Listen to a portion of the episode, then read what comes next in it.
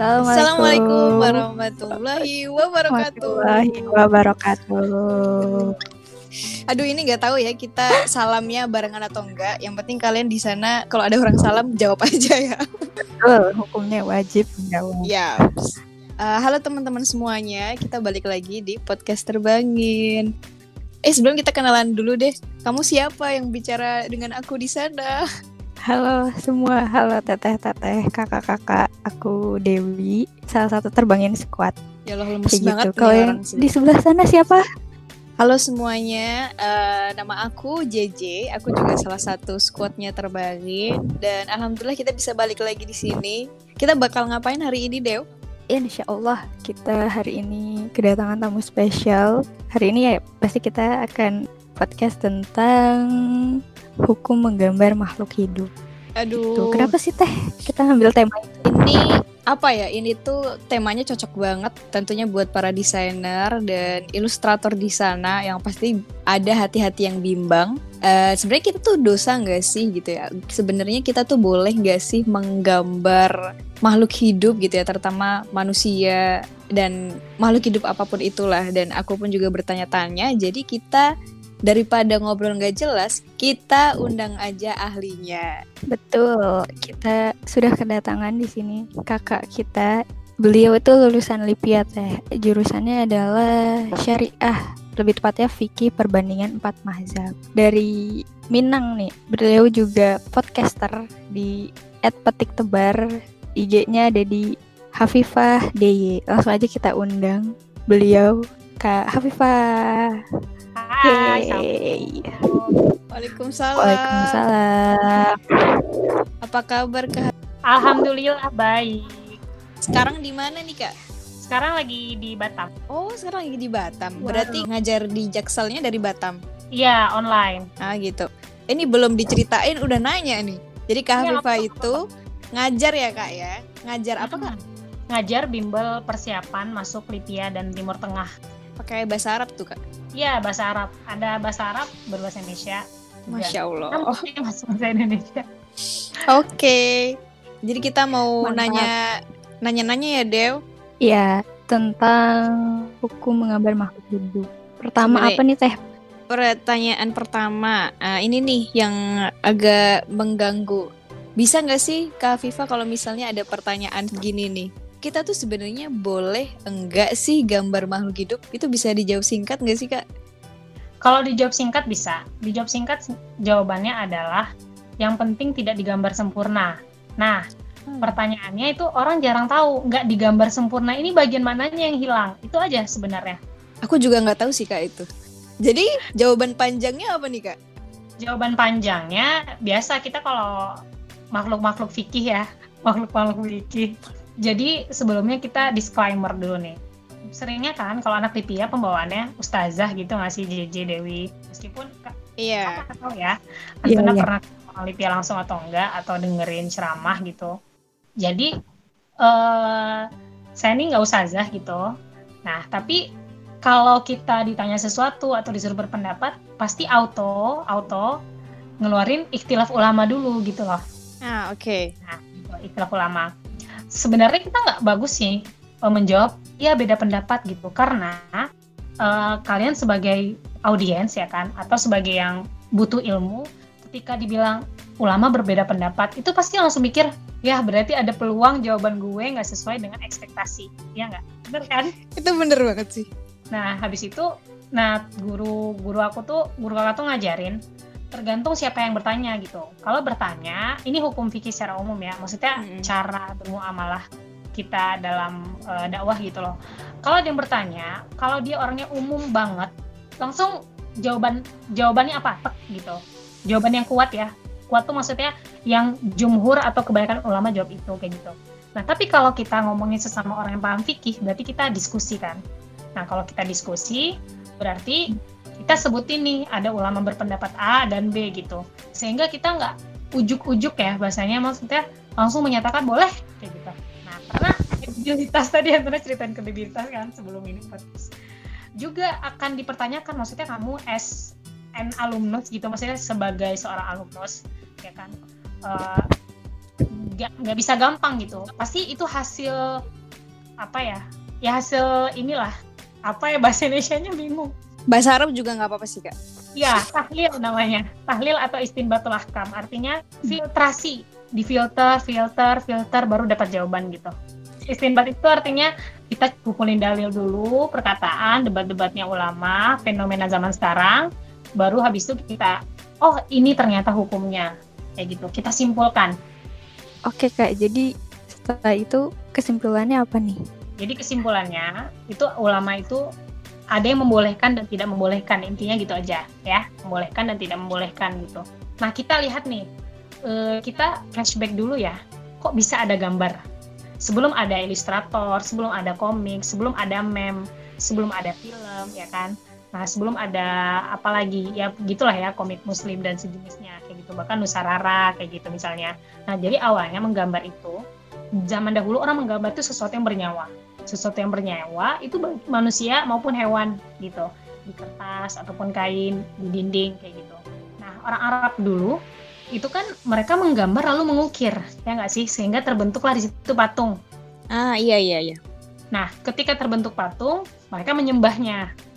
Awalnya seperti itu. Nah kenapa manusia bikin patung? Kenapa manusia bikin patung? Karena fitrahnya manusia itu butuh sesuatu yang real. Butuh sesuatu yang real kayak saya harus bisa melihat atau mendengar atau mencium atau merasakan atau meraba. Nah, itu kenapa patung tuh ada? Karena manusia ketika dibilang Tuhanmu Allah gitu atau sembahlah Allah. Manusia normal pasti akan zaman dahulu ya, zaman dahulu akan bertanya, emang Allah itu si- siapa atau bagaimana bentuknya? Kan begitu ya kalau di Al-Qur'an ya kan bagaimana bentuknya kayak gitu nah sehingga mereka orang-orang yang tidak diberi hidayah gitu kan istilahnya nah akan terus mempertanyakan dan butuh sesuatu yang real kayak gitu. Atau kita nyebutnya tuh biasanya visualisasi. Butuh visual nih kayak Oh, gitu. iya. nah mereka menjawab pertanyaan mereka sendiri dengan cara membentuk itu patung. Ya habis itu nah ke sini ke sini ya udahlah. Jadilah ada sembahan kayak gitu kan. Nah bahkan ke sini ke sini itu eh, ada yang jadinya menggambar tapi tidak menutup aurat ya kan. Menggambar bener-bener makhluk tadi kayak gitu habis itu ini jadi nggak jawaban singkat ya jawaban panjang gak apa-apa lanjut Gak apa-apa kak. Nah, sekarang gini, sekarang sosial media, anak-anak terbangin ya, terbangin squad, itu pasti lebih tahu. Manusia tuh berapa menit sih betah membaca? Nggak lebih dari 40 huruf kalau nggak salah ya. Nah, jadi banyak yang membaca bosan, ya kan? Anak zaman sekarang apalagi termasuk milenial gitu, terutama milenial yang membaca bosan, kalau menonton, dia butuh gambar gitu. Nggak bisa hanya tulisan saja kayak gitu kan. Dia butuh visualisasi maksudnya seperti apa gitu. Gampangnya apa biar lebih terekam kan kayak gitu. Nah bahkan eh, ada ilmu-ilmu maksudnya penelitian sekarang kan manusia nggak bisa membaca lebih dari berapa karakter ya kan? Berapa karakter kata gitu. Mereka mulai bosan. Atau mendengarkan eh, audio lebih da- di berapa menit mereka mulai bosan. Nah di sini kan timbul nih. Muncullah ilustrator-ilustrator kreatif ya kan? Atau konten kreator yang dengan kreativitasnya yang diberikan Allah mereka menggunakan memanfaatkan apa yang ada di diri mereka. Kayak gitu kan. Nah karena zaman dahulu gambar itu haram ya kan? Sehingga timbullah pertanyaan tapi ini udah jadi apa ya salah satu wasilah? Wasilah itu apa artinya? Bahasa kita apa sih? Jalan. jalan. Tools ya salah satu tools yang harus digunakan nih kak. Kayak gitu kan. Nah habis itu nah jadi hukumnya apa?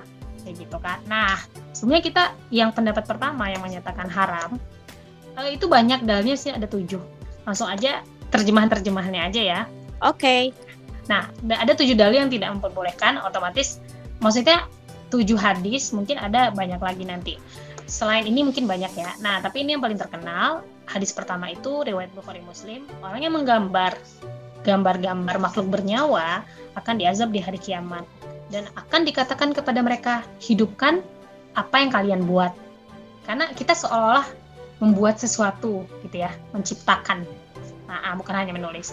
Bisa dalil kedua itu eh, ini karena bahasa Arab ya, maksudnya bahasa Timur dan tegas, jadi memang bahasanya tidak mungkin banyak orang akan menyatakan kok ekstrim Islam atau bagaimana ya, tapi seperti inilah hadis datang gitu. Jadi ketika diterjemahkan adalah sesungguhnya orang yang paling keras azabnya di hari kiamat di sisi Allah adalah tukang gambar.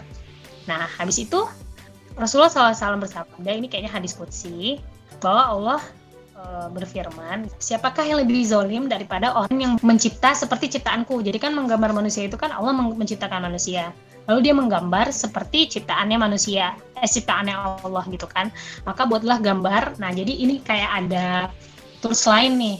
Kalau kamu nggak boleh gambar manusia, gambar apa gitu kan. Maka buatlah biji atau bi gambar bi biji bibit tanaman atau juga gandum itu juga hadis riwayat Bukhari Muslim terus uh, yang Aisyah hadis yang diriwayatkan langsung dari Aisyah Rasulullah SAW pernah pulang safar ketika menutup jendela itu ada gorden yang bergambang makhluk bernyawa ketika melihatnya wajah Rasulullah berubah beliau bersabda Wahai Aisyah, orang yang paling keras azabnya di hari kiamat adalah orang yang menandingi ciptaan Allah karena dianggap menggambar ya. Nah, lalu apa yang dilakukan Rasulullah? Ini kalau ditanya ya, Kak, kalau udah ada yang terjadi gambar lengkap gimana gitu kan. Lalu aku memotong-motongnya dan menjadikannya satu bantal. Satu atau dua bantal gitu di hadis Aisyah. Nah, hadis itu uh, hadis kelima nih ya masih Barang siapa yang dunia di dunia pernah menggambar gambar menyawa, ia akan dituntut untuk meniupkan ruh pada gambar tersebut di hari kiamat dan dia tidak akan bisa melakukannya. Jadi intinya uh, biasanya dalam adalah itu kalau kita disuruh melakukan tapi kita nggak sanggup itu maksudnya diancam gitu. Misalnya kakak bilang nih, Dewi udah sok coba aja bisa nggak gitu. Itu maksudnya gimana sih kak? Gini ya kak, aku sambil bertanya nih ya aku kan boleh. sebagai orang bodoh nih aku dari tadi juga mikir nih ketika kakak mengungkapkan hadisnya kayak hmm. iya kayak nanti kamu disuruh meniupkan ruh nanti kamu disuruh menghidupkan. Gimana manusia kan nggak bisa gitu loh. Nah, nah itu tuh maksudnya gimana nih? Nah maksudnya di situ uh, artinya adalah mengancam alias ini tidak boleh dilakukan. Saya kakak bilang sama oh. Dewi ya Dewi? Misalnya Dewi bilang e, kak aku pengen jalan misalnya kakak kakaknya Dewi kan dong terus Dewi bilang kak aku pengen jalan-jalan pakai mobil gitu. Terus bilang udah nggak usah Dewi nggak usah gitu kan. Terus Dewi tetap bilang e, eh Dewi JJ ya. JJ tetap bilang tapi aku mau pergi. Kakak bilang kan udah sok ambil aja sana kunci mobil. Bawa sendiri. Itu kakak nyuruh apa nantang JJ hmm, nantang ya? Iya nggak sih? Nantang. Nantang. Iya. dan bisa nggak dilakukan? Nggak bisa. Nggak bisa. karena posisinya JJ lagi nggak bisa karena itu minta tolong kan. Oke. okay kalau nantang atau mengancam kayak gitu tuh ada hukuman buat kita nggak sih kalau kita ngelakuin? Sebenarnya ketika Allah mengancam atau menantang kita, itu berarti kita nggak bisa melakukannya. Itu mempertegas bahwa kita sebenarnya nggak bisa, nggak sanggup. Kamu yeah. akan sanggup, maka hentikanlah gitu. Nah ini kan masih di pendapat pertama ya. Iya. Yep. Nah habis itu itu tuh balagoh gak sih kak kalau di bahasa Arab tuh? Iya bisa, bisa di balagoh. Ya. Nyuruh Jadi, tapi sebenarnya. Menantangin gitu. menantangin gitu dan kamu nggak mungkin bisa. Nah yeah. habis itu dalil yang terakhir para malaikat tidak akan masuk ke rumah yang di dalamnya ada anjing gambar atau makhluk bernyawa. Gitu ya itu yang dalil terakhir. Nah sekarang kan gini Islam itu kan datang untuk menjawab zaman ya. Ya nggak? Kita percaya nggak kalau Islam ini untuk semua waktu untuk semua kalangan untuk semua keadaan. Percaya nggak? Kita percaya nggak hal-hal seperti itu? Kita sebutnya biasanya uh, dengan uh, apa universalitas atau apa sih? Islam itu yang sempurna gitu ya? Atau lebih apa ya bahasa selain universal ya? Komprehensif. Nah jadi uh, kita percaya nih Islam itu menjawab tantangan zaman dan dakwah ini ternyata butuh kayak ilustrasi kayak gitu. Mau nggak mau kayak gitu kan. Konten kreator di art of apa ya di art of dakwah kita kan. Di kalau kita dengar tentang di art of dakwah kita dengar ini juga tentang gambar kayak gini. Nah nggak mungkin Islam itu membuat uh, umatnya galau kalau menurut kakak. Meskipun Rasul cuma hidup 62 tahun kayak gitu. Dan kita udah berapa puluh abad ya kan di belakangnya. Kalau kita yakin Islam itu solusi is my way gitu kan. Way itu udah jalan solusi. Nggak ada uh, jalan bukan jalan pendek atau jalan setapak kayak gitu. Maksudnya Islam itu ya jalan selama Islam ini ada kayak gitu. Meskipun Rasulullah udah nggak ada ataupun para salafus soleh sudah uh, sedikit kayak gitu kan. Nah tapi kan Rasulullah itu meninggalkan sesuatu. Nah tidak ada tantangan zaman atau tidak ada permasalahan yang nggak akan dijawab, yang tidak terjawab kayak gitu. Nah, ini kita tidak sedang melakukan pembenaran atas apa yang kita lakukan ya, tapi kita mencari cara ini keadaannya nggak mungkin Islam menghalangi kita karena kita berada di dalam jalan tersebut kayak gitu. Nah, akhirnya ada hadisnya, ini masuk ke pendapat kedua ya. Jadi kesimpulannya pendapat pertama tidak boleh karena ada dalil-dalil seperti itu kita udah klik ya tadi itu pendapat pertama. Berarti itu tujuh hadis udah habis ya kak? Udah, udah habis. Oke, kita Oke. masuk ke pendapat selanjutnya. Hadis yang memperbolehkan ya? Nah, iya, yang memperbolehkan. Jadi hadisnya itu eh, langsung diterjemahkan saja. Rasulullah SAW bersabda, Jibril pernah mendatangiku sambil berkata, ini ada yang ini ya, relate sama hadis sebelumnya ya. Jibril pernah mendatangiku sambil berkata, aku mendatangimu semalam. Kan Jibril sering ya datang wahyu memberikan wahyu atau kabar. Aku mendatangimu semalam. Lalu tidak ada yang menghalangiku masuk kecuali ada patung di pintu rumah dan di dalam rumah terdapat kain tirai yang ada patung dan juga anjing di dalamnya. Jadi memang ada uh, patung, habis itu ada kain tirai bergambar. Maka suruhlah untuk menghilangkan kepala patung yang ada. Nah ini mulai ya kita jalan ke tengah. Menghilangkan kepala patung yang ada di rumah itu sehingga menjadi seperti bentuk pohon gitu. Jadi si patung tadi kuda atau apa dihilangkan kepalanya sehingga berbentuk seperti pohon. Dan suruhlah potong tirai itu dengan dijadikan dua bantal yang dijadikan sandaran serta suruh keluarkan anjing tersebut. Maksudnya kayak mungkin ya dihilangin gambarnya kayak gitu. Jadi menjawab dua solusi ya. Patung habis itu gambar. Oke. Oke ya, jawab dua solusi. Dan eh, patung ini nggak semuanya, maksudnya potong kepalanya. Nah, habis itu masuk nih. Itu yang membolehkan tapi masih belum kebayang kak, gitu kan? Ini kayak nggak boleh, boleh tapi kok bersyarat.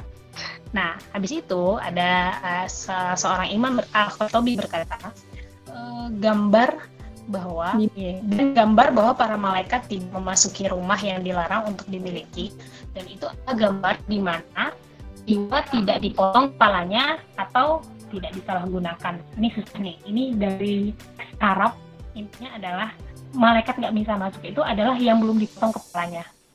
Nah, jadi poinnya di mana? Karena kita udah ke tengah poinnya di mana gambar itu intinya berarti. Oke. mm-mm. Berarti yang penting nggak ada kepala nih ya? Nah, gak ada penting nggak, yang penting nggak ada kepala. Tapi gimana nggak ada kepala gitu kan? Maksudnya, maka itu yang krusial dalam eh, menggambar kayak gitu. Nah, habis itu dijawab lagi. Ada lagi, dalil ketiga lebih mendetail lagi.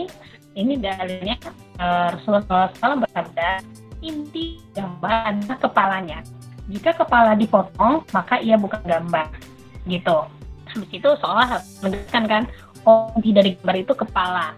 Ada salah satu salah kita ya yang paling terkenal banget ini eh, Syekh Ahmad bin Salih Al Utsaimin atau terkenal Syekh.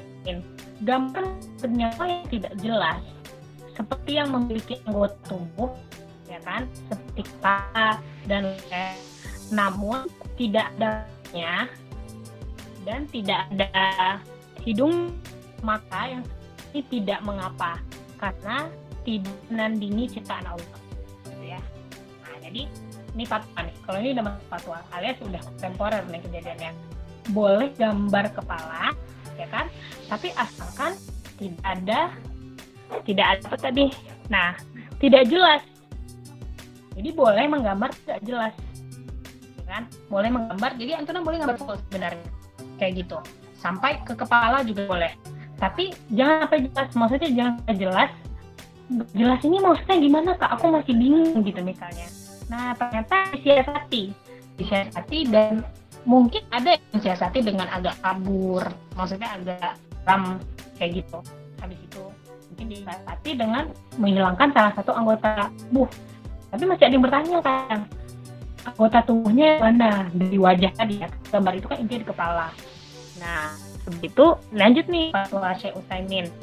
Fatwanya adalah jika makhluk hidup bernyawa tidak jelas mana yang tidak jelas itu tidak ada matanya, tidak ada hidungnya, tidak ada mulutnya, tidak ada jari-jarinya, maka ini bukan gambar makhluk bernyawa yang sempurna dan tidak termasuk menandingi ciptaan Allah.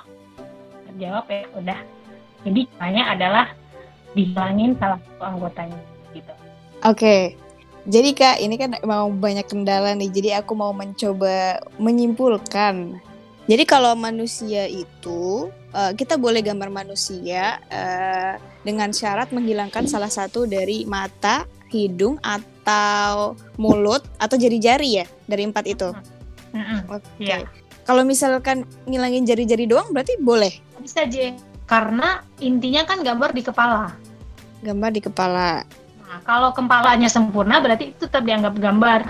Berarti nggak boleh. Oh, Paham ya? gitu. Oke oke. Berarti ya pokoknya kepala itu nggak boleh sempurna gitu ya. Hmm, iya. Eh, aku pernah mikir gini kak. Jadi dulu Jiji itu nangkepnya, yang penting kan nggak gambar nggak sempurna kan, tapi Nah. nggak nggak tahu hadisnya gimana. Jadi mikirnya ya udah kan gue cuman gambar setengah badan doang. Nah kayaknya ini boleh deh gitu tanpa tahu ilmunya gitu. Berarti kalau gambar setengah badan doang, tapi mukanya ada matanya, ada hidungnya, ada mulutnya, berarti itu nggak boleh ya kak ya? nggak boleh karena Hmm. inti kepala eh inti gambar adalah kepala Inti gambar adalah kepala. Nah, ini berarti yang harus dicatat nih. Inti gambar adalah ada pada di kepala. Jadi harus hilangkan di antara mata, hidung, dan mulut. Oke, paham betul nih. Sama mau ngulang nih, Kak. Ini karena Dewi agak lenyap ya. Sinyalnya semoga masih kerekam ya. Eh, kita perjelas lagi ya, Kak. Selain manusia, apakah itu berlaku pada hewan dan tumbuhan? Atau gimana? nah jadi kalau tumbuhan boleh sempurna pun boleh Ya, Sempurna. karena- nggak tahu ya maksudnya tumbuhan itu nggak sempurna berapa nya akar hilang bagaimana gitu. karena ada hadis tadi ada hadis yang menyatakan hapuslah apa potonglah si berhala eh bukan berhala si patung ini kayak gitu kan atau kalau ada gambar eh, potong kepalanya itu lalu gambarlah gitu ya kalau di hadis tersebut tuh gambarlah gandum atau biji-bijian gitu atau jagung gitu ya benih benih biji kayak gitu. Jadi kalau dari situ berarti kalau gandum itu kan tanaman ya. Berarti semua tanaman yang lain tuh boleh kayak gitu. Atau tadi kan eh, ketika disuruh potong si patung patung itu tadi ya patung anjing apa patung kuda gitu kan. Itu kan potonglah sehingga yang terlihat hanyalah seperti batang pohon gitu kan Mm-mm. tapi kan kita dapat menyimpulkan ini ada kata-kata batang pohon, ada kata-kata jagung, ada kata-kata gandum, ada kata-kata biji. Nah ini kan bagian dari tumbuhan kayak gitu. Oh iya iya iya. Oke. Kalau hewan sepertinya jadinya nggak boleh sem- sempurna kayaknya ya. Kayaknya nggak boleh sempurna. Kenapa? Karena tadi itu kan gambar di tirai apa sih namanya Aisyah ya kan? Iya. Itu gambar gambar anjingnya kalau nggak salah ya tadi hadisnya gambar anjingnya dan itu disuruh dipotong kan sama Rasulullah hilangkan kepalanya atau hilangkan anjingnya kayak gitu. Nah, ini konteksnya apa konteks anjing apa konteksnya tuh hewan kayak gitu. Tapi kalau melihat eh, hadis tentang patung tadi yang dihilangkan kepalanya berarti sepertinya hewan juga nggak nggak sempurna gitu. Kalau bisa tidak sempurna. Oke, berarti hukum menggambar hewan dan manusia itu sama ya kak ya? Iya, iya kita bisa kita bilang sama lah karena titiknya di kepala-kepala tadi kan. Oke siap. Oke gitu teman-teman. Ada pertanyaan lagi nggak Dew? Eh, aku kepo sih satu pertanyaan.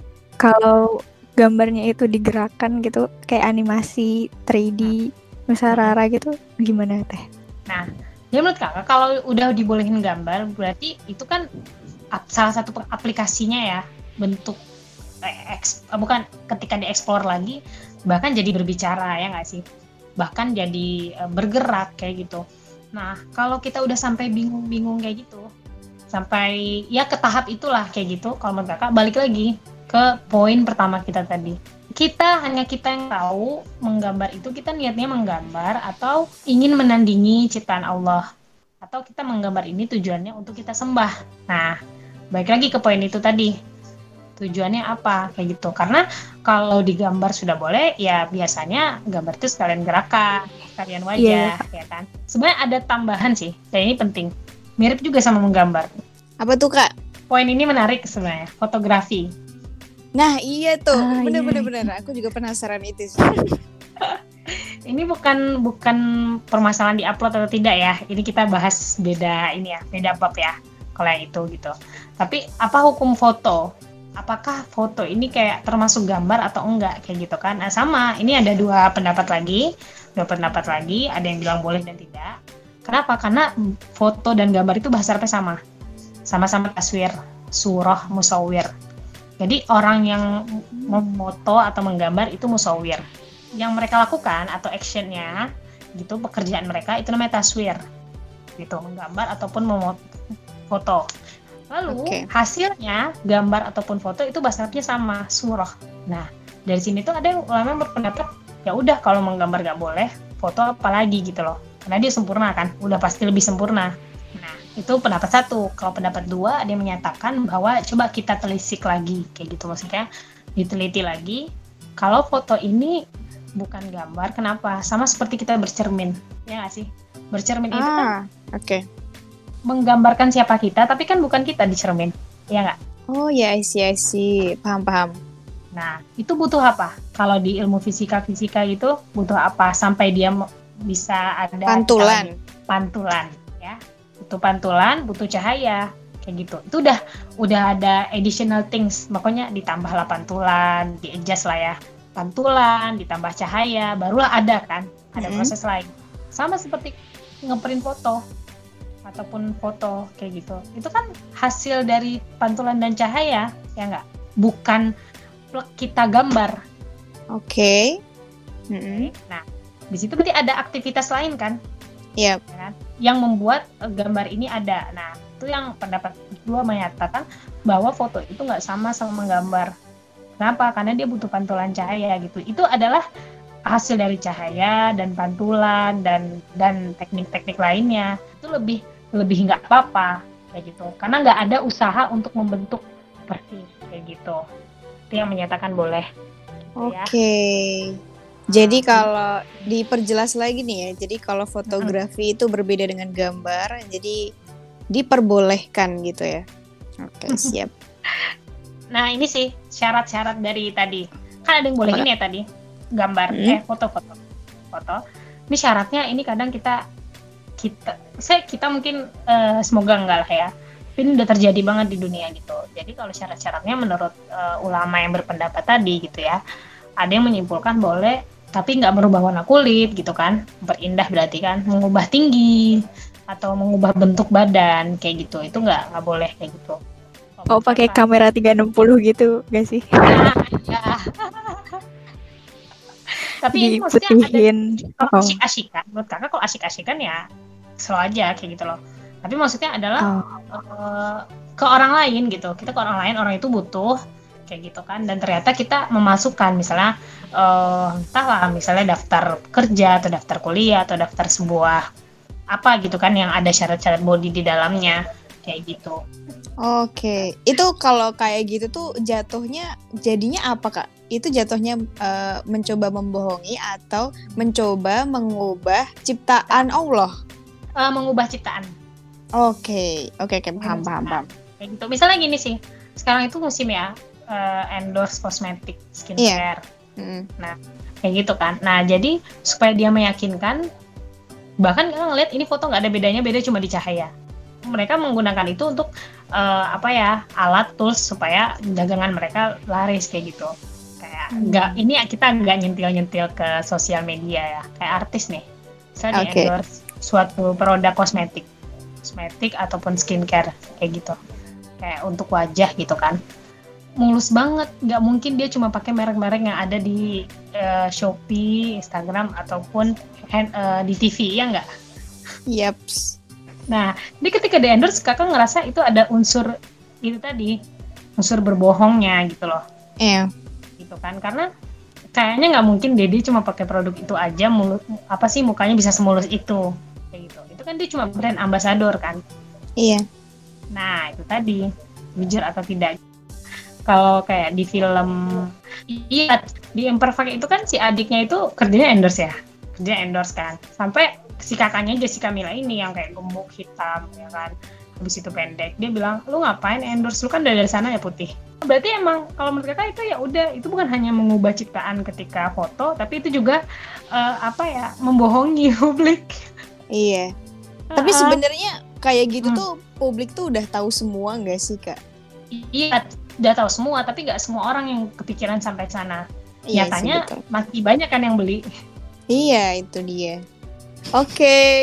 jadi gitu teman-teman pembahasan tentang hukum menggambar makhluk hidup ya. Nah, ini aku aku simpulin aja ya. Yang pertama itu kalau ditanya boleh nggak sih menggambar makhluk hidup ya ada hadis yang bilang nggak boleh, ada yang hadis yang bilang boleh. Nanti Kak Hafifah boleh koreksi aja ya kalau Jiji salah menyimpulkan ya kak ya.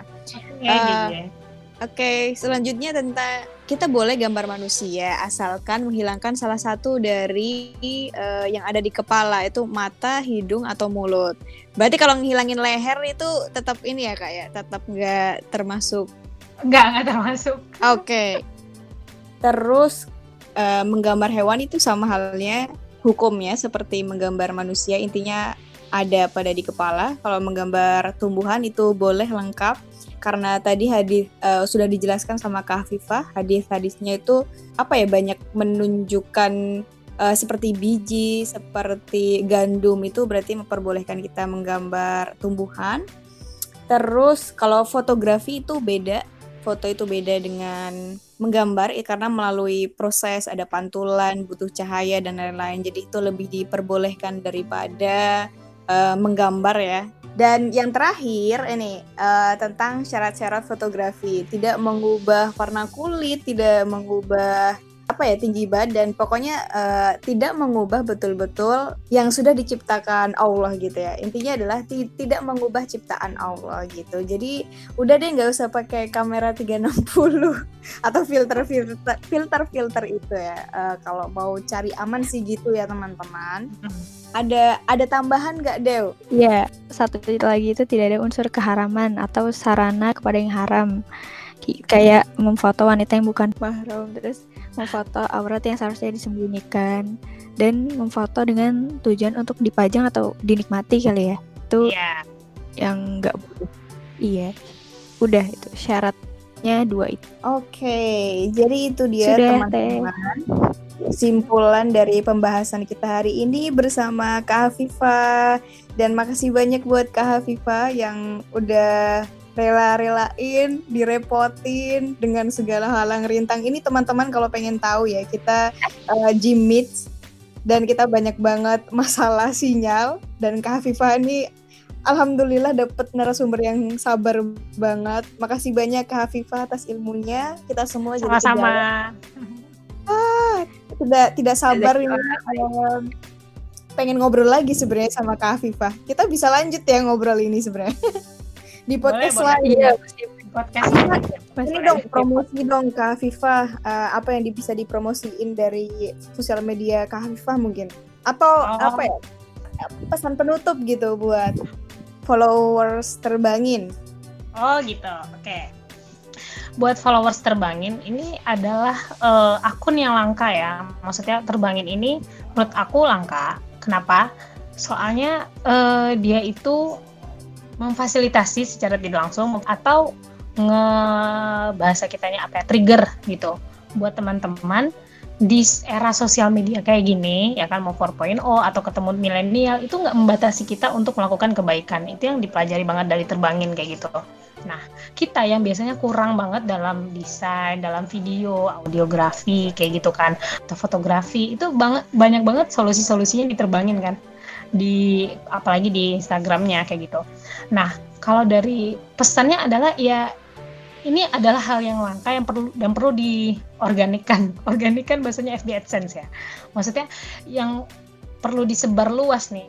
Ini salah satu yang aku ngeliatnya unik ya. Maksudnya banyak orang sekarang membuat apa sih berada di platform platform itu digunakan untuk ekspos dirinya kok terbangin ini lebih platform ini digunakan untuk ngajak orang mengekspos kebaikan yang ada di dirinya. Kayak gitu kelebihan yang ada. Kayak gitu kamu jangan dibatasi waktu kamu jangan dibatasi jarak kamu jangan dibatasi kreativitasmu. Kayak gitu kan. Apalagi kalau kita dengar awal-awal podcast terbangin itu ya itu cerita tentang bagaimana uh, menciptakan ide gitu kan. Bagaimana ide itu ada bahkan bagi orang yang menganggap dirinya nggak kreatif kayak gitu. Jadi buat hmm parah. Parah apa ini pendengar ya mendengar podcast ini ya Nggak, ini iya, bagi- iya, iya, ini nggak. unik. tebang ini ini unik Kon ya. ya sip J- eh, jempolnya empat Oke, kita eh, puas ya ngobrol hari ini dan semoga juga menjawab pertanyaan teman-teman di sana dan kita eh, mulai sekarang udah nggak apa bimbang lagi untuk menentukan gimana sih ilustrasi yang istilahnya apa ya halal, iya nggak sih?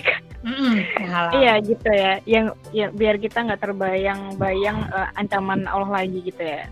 Oke teman-teman, eh, segitu aja dan semoga bermanfaat.